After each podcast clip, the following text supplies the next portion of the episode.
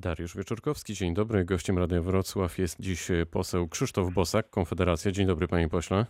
Dzień dobry panu i dzień dobry państwu. Cieszę się, że udało nam się e, w końcu dodzwonić. Twierdza Wrocław e, poddaje się ostatnia. Czy ten wyciszony telefon to za sprawą e, narodzin latorośli małej? Trochę tak, można powiedzieć, że rzeczywiście dzieckiem się zajmowaliśmy w nocy, także przepraszam słuchacze za małe opóźnienie. Dobrze, czy latorośl coś zmieniła w pana życiu, w światopoglądzie? W światopoglądzie absolutnie nie. E, może tylko jeszcze bardziej się utwierdziłem w swoich poglądach e, pro-life i kiedy obserwowałem rozwój dziecka już w okresie życia płodowego i teraz po narodzinach, no tym bardziej nie rozumiem, jak można godzić się na to, żeby taką małą istotę już żywą, e, reagującą, z którą, której nawet temperament można poznawać już w okresie życia płodowego, czy to poprzez ruchy, czy sposób reagowania, obserwowanie, kiedy śpi, kiedy kiedy się rusza i tak dalej. No, słyszę, że jest pan godzić, zakochany w synku. Jak można się godzić na to, żeby takie dziecko, jeżeli się go nie chce, właśnie zabić, a nie na przykład, żeby się urodziło i oddać się do adopcji. No dobrze, to skoro już pan wywołał e, ten temat, wczoraj w Warszawie protestowały kobiety. Czy pan rozumie ich złość, ich postulaty i, i w jakimś sensie, chociaż w jakikolwiek sposób wspiera tę inicjatywę? No w żaden sposób nie wspieram, natomiast częściowo rozumiem. To znaczy Podobnie jak część protestujących mam wrażenie, że rozstrzygnięcie sprawy w Trybunale Konstytucyjnym było sztucznie przetrzymywane przez kilka lat, że w Sejmie nie dopuszczono do normalnej dyskusji nad projektami, które wpływały do Sejmu dotyczącymi właśnie kwestii ochrony życia nienarodzonego czy aborcji, tak lewicowymi, jak i prawicowymi. Te projekty były tak kasowane w niezwykłym pośpiechu albo przetrzymywane w zamrażarce sejmowej. Również mam wrażenie, że y, pojawienie się tego wyroku akurat teraz w szczycie zachorowań pandemii miało na celu po prostu pewną kalkulację polityczną. Y, być może Jarosław Kaczyński czy ludzie z obozu rządzącego sądzili, że sprawa, że tak powiem, przejdzie bez echa, bo wszyscy będą zajęci pandemią. Okazało się, że jednak nie. No i, y, no i to ja zapytam inaczej, panie pośle. Jeszcze, panie redaktorze, żeby jedna rzecz ważna padła. Podzielam opinię wielu krytyków i protestujących, że rząd od czasu odrzucenia pierwszych projektów e, w tej sprawie w roku 15 i 16 i uruchomienia programu za życiem właściwie nie wykonał żadnej pracy. To znaczy kwestia wsparcia realnego dla osób opiekujących się niepełnosprawnymi leży. E, no i ten tak, projekt to jest, dotyczy, to jest zupełnie inna. dotyczy tego i, inna i ci ludzie rzeczywiście mają wrażenie, że w tym momencie zostaną sami z problemem i to nie powinno tak być. No to zapytam właśnie inaczej. Czy w takim razie my w ogóle na tym etapie powinniśmy zmieniać e, obowiązujące dotychczasowe przepisy?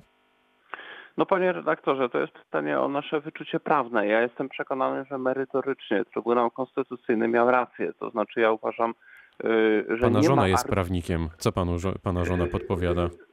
Panie redaktorze, większość prawników, e, niezależnie od poglądów, którzy nie będą wykręcać kota ogonem, e, moim zdaniem przyzna rację Trybunałowi. Bardzo trudno jest znaleźć argumenty prawne przeciwko temu, co stwierdził Trybunał. No po prostu bardzo trudno. E, moim zdaniem jest to właściwie niemożliwe. I, i, I przypomnijmy jedną ważną rzecz, bo ona nie wybrzmiała w debacie publicznej. Jeżeli zagrożone jest zdrowie lub życie kobiety, to aborcja jest ciągle dopuszczana do ostatniego dnia ciąży. E, jak również wszystkie inne działania medyczne w celu ochrony zdrowia i życia e, mamy.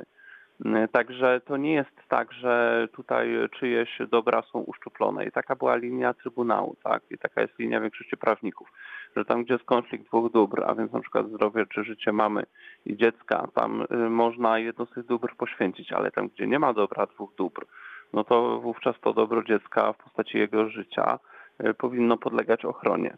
I, I to jest logiczne i to jest spójne. Także ja nie rozumiem na przykład, dlaczego w tej chwili y, ten wyrok nie jest publikowany. I w ogóle muszę powiedzieć, że choć z początku byłem sceptyczny do tych zarzutów o braku praworządności, no to muszę sam stwierdzić, że to wszystko wygląda coraz dziwniej. Tak? Brak no to... publikowania ustaw, brak publikowania wyroków, to biegniemy dalej, panie pośle, w takim razie. rzeczy i tak dalej. Skoro mówimy o praworządności, e, polski rząd sprzeciwia się powiązaniu budżetu Unii Europejskiej na lata 21-27 e, właśnie z praworządnością. Wczoraj w tej sprawie w Sejmie zabrał głos e, premier Mateusz Morawiecki. Warto dodać, że Węgry już zawetowały unijny budżet, a pan jak wysłuchał tego, co miał do powiedzenia pan premier, to co sobie pomyślał? Pan po której stronie stoi? Moim zdaniem to yy, znaczy, uważam, że my uważamy w Konfederacji, że weto powinno być w lipcu. Premier w lipcu podpisał konkluzję szczytu Unii Europejskiej, w których literalnie było napisane, że zostanie stworzony mechanizm kontroli praworządności. Bez żadnego zawężenia tego do kwestii korupcji czy defraudacji, tylko po prostu, yy, że będzie kontrola praworządności i warunkowość wydatkowania funduszy unijnych. Jeżeli weto miało sens, to miało właśnie w lipcu.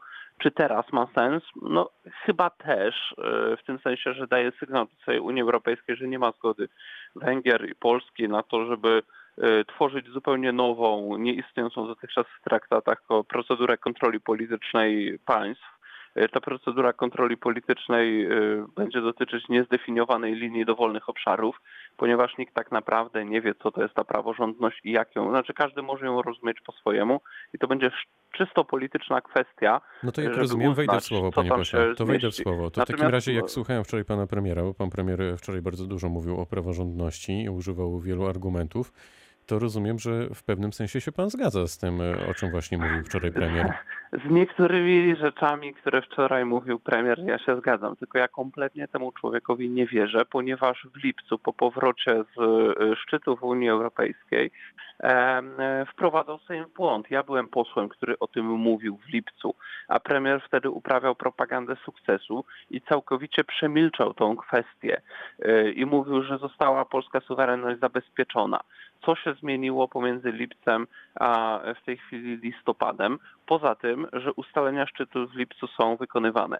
Moim zdaniem jest to sytuacja jak zawsze w przypadku PiSu, to znaczy PiS to jest taka partia, która uwodzi prawicowych i patriotycznych wyborców, udając wielkiego obrońcy suwerenności, a ostatecznie zawsze y, oddaje kolejne części kompetencji naszego państwa do Unii Europejskiej. Przypomnijmy sobie, że to, że w tej chwili dzieje, to, że można nam narzucić rozporządzeniem takie rzeczy, czy przynajmniej, że ma się to stać, y, to jest y, prosta konsekwencja traktatu lizbońskiego, gdzie zniesiono zasadę jednogłośności. No ale to już sprawach. historia w pewnym sensie, bo nie, ten, nie, nie, ten dokument został już to jest, podpisany że prosta konsekwencja, przez kogo został podpisany, przez kogo został przegłosowany. PiS był za traktatem lizbońskim, a więc za przejściem na zasadę większościowego przegłosowywania różnych rzeczy wbrew państwom członkowskim.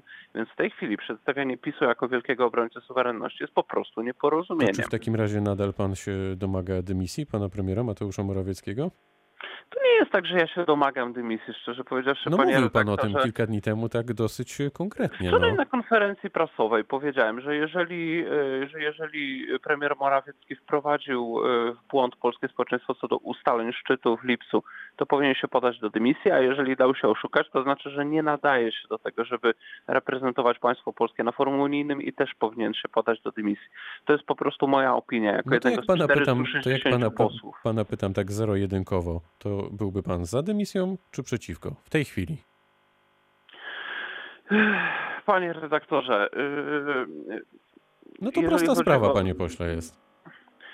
Generalnie tak. Generalnie ja uważam, że rząd kompromituje się na każdym kroku. Uważam, że cała ta walka z pandemią, przygotowanie ochrony zdrowia, cały ten lockdown służący wykańczaniu jednych przedsiębiorców, a dosypywaniu pieniędzy innym, yy, bez, jak teraz widzieliśmy tą sprawę z Ministerstwem Kultury, które miliony rozdaje, yy, no, No to pan, pan, pan wicepremier. Gliński się wycofał z tego i będzie teraz e, No, no dobrze, no, ale przyglądać się tym wydatkom. rząd robi rzeczy z nikim niekonsultowane, które są absurdalne i wycofuje się po tym, jak spłynie na rząd fala krytyki opinii publicznej. Cała polityka rządu to jest po prostu jak pijany, który idzie od ściany do ściany. Nie ma w tym od wielu miesięcy żadnej logiki. To jest teatr marionetkowy Jarosława Kaczyńskiego, który wczoraj e, w trakcie obrad sejmowych, e, no jeszcze to drobny przykład tam, tak, całemu społeczeństwu narzucane są maseczki, Jarosław Kaczyński wychodzi na mównicę sejmową już po ogłoszeniu przerwy. O to ja się bardzo cieszę, że pan o tym mówi. Fotel. Bardzo się cieszę. E, Jarosław Kaczyński zajmuje, e, zabiera głos, e, krzyczy na opozycję, opowiada, że wszyscy są zbrodniarzami, że będą siedzieć. Panie pośle, no ale naprawdę wcześniej, trudno nie odnieść wrażenie, że żyjemy w państwie, w którym naprawdę ludzie, którzy nami rządzą, są Panie albo pośle, wcześniej- nieszczerzy, albo niezrównoważeni. dosłownie kilkadziesiąt minut wcześniej Grzegorz Braun e, też e, nie chciał założyć maseczki, nie chciał opuścić e, mównicy, aż ostatecznie wicemarszałek Włodzimierz Czarzasty musiał przepraszać pana premiera e, i wszystkich posłów i posłanki za nie to, musiał, co, co zrobił robił pan e, Braun. No a pan Braun co robił w takim razie, jako jedyny nie chcąc założyć maseczki? Chciał zabrać głos y, i wypowiedzieć swoje zdania. I teraz Ale maseczka panie- mu pewnie w tym nie przeszkadzała, prawda? No też może pan chyba obiektywnie to ocenić. Nie założyć, ale że powinien założyć. Czy jest tutaj konsekwencja w e, postępowaniu? Jeżeli Jarosławowi Kaczyńskiemu wolno yy, więcej, a inni posłowie są Nie, karani. ja uważam, że, ja Nie uważam, że wam wszystkim, e, e, jakby wszystkim wam e, te przepisy e, dla was są e, te same, tak? To znaczy i dla pana pan- prezesa wie- Kaczyńskiego, i dla pana posła pan, Brauna. No. Ustawa dająca podstawę do nakazu noszenia maseczek ciągle nie weszła w życie. Wie pan o tym? No nie wiem, ale skoro tak No, jest, to już- pan już pan powinien, powinien wie, pan to ogłosić i dla- powinien pan zmusić, żeby ta ustawa weszła w życie. Przecież my mówimy o tym od miesięcy. Ustawa, y, całe rozporządzenie o nakazie noszenia maseczek, niezależnie kto ma jaką opinię, bo żeby było jasne, sam tą maseczkę noszę, wiem, że jej skuteczność jest prawdopodobnie bardzo niewielka, natomiast jak jest takie rozporządzenie, to to noszę, nie będę tego kontestował, tak? No to jest pan bardzo Natomiast- dzielny w takim razie. Jak większość naszego społeczeństwa dzielnie znosi te wszystkie ograniczenia, panie redaktorze. Natomiast tylko to jeszcze powiem, żeby to słuchacze wiedzieli.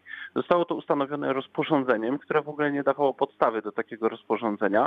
Sejm dopiero y, dwa, trzy tygodnie temu uchwalił ustawę, która daje do tego podstawę i to jest ta ustawa, którą prezydent podpisał i której premier, sam premier nie ogłasza, dlatego że pomylili się w głosowaniach, przegłosowali podwyżki dla lekarzy, poprawkę lewicy, na które nie mają pieniędzy i trzymają ustawę podpisaną, przegłosowaną i nieogłoszoną, co jest naruszeniem i ustawy, i porządku konstytucyjnego. To jeszcze, panie Po to, żeby przyszła minuty. korygująca ustawa z Senatu, która zniesie podwyżki dla lekarzy. No żyjemy w świecie absurdu, więc kiedy pan redaktor mnie pyta, czy ja podtrzymuję to, że premier powinien się podać do dymisji, to ja powiem więcej. Podtrzymuję to, żeby po prostu cały ten absurd zredukować. Tylko żeby to zredukować, to by trzeba wymienić większość klasy politycznej w Polsce, bo prawda jest taka, że poza Konfederacją to nikt w Sejmie tego wszystkiego, o czym ja tu mówię, po prostu nie krytykuje i jakby rządziła y, Lewica czy Koalicja Obywatelska, mielibyśmy jeszcze więcej tego, co robi PiS, tylko w nieco innych szatkach Tak jak ideologicznych. mówiłem, no Grzegorz Braun e, też się e, wczoraj nie popisał. Ostatnie pytanie, panie pośle. Jak pan zareagował na ostatnie doniesienia medialne dotyczące kardynała Stanisława Dziwisza i tego, że miałby brać udział w procederze tuszowania pedofilii wśród księży na całym świecie? Czy Kościół, ale też nasze państwo faktycznie walczy z patologią wśród księży? Mamy pół minuty. Ręce opadają, jak się patrzy na to, w jaki sposób biskupi y, reagują, czy raczej nie reagują na nieprawidłowości związane z nadużyciami seksualnymi i pedofilią. Jestem katolikiem, będę katolikiem, natomiast jest mi po prostu wstyd za to, jak to wszystko widzę. Jest mi bardzo smutno. Y, Niestety zarówno na poziomie polskiego episkopatu, jak i na poziomie Watykanu Kościół jest niewydolny w procesie samooczyszczenia. Dlatego zachęcam wiernych, żeby brać sprawy w swoje ręce i po prostu naciskać na konkretnych księży, konkretnych biskupów, także poprzez media. Niestety innej drogi nie ma do tego, żeby ustępowali ci, którzy są skompromitowani czy odpowiedzialni. No to ja życzę w takim razie zdrowia dla e, synka i dla żony, dla pana też, bo te pierwsze dni, tygodnie są e, ciężkie. Poseł Krzysztof Bosak, Konfederacja. Bardzo Dziękuję dziękuję panie za spotkanie. redaktorze i mimo wszystkich smutnych rzeczy, które powiedziałem, życzę wszystkim dobrego dnia i oby był lepszy niż to, co się dzieje w Sejmie i w rządzie. Również dobrego dnia, pytał Dariusz Wieczorkowski.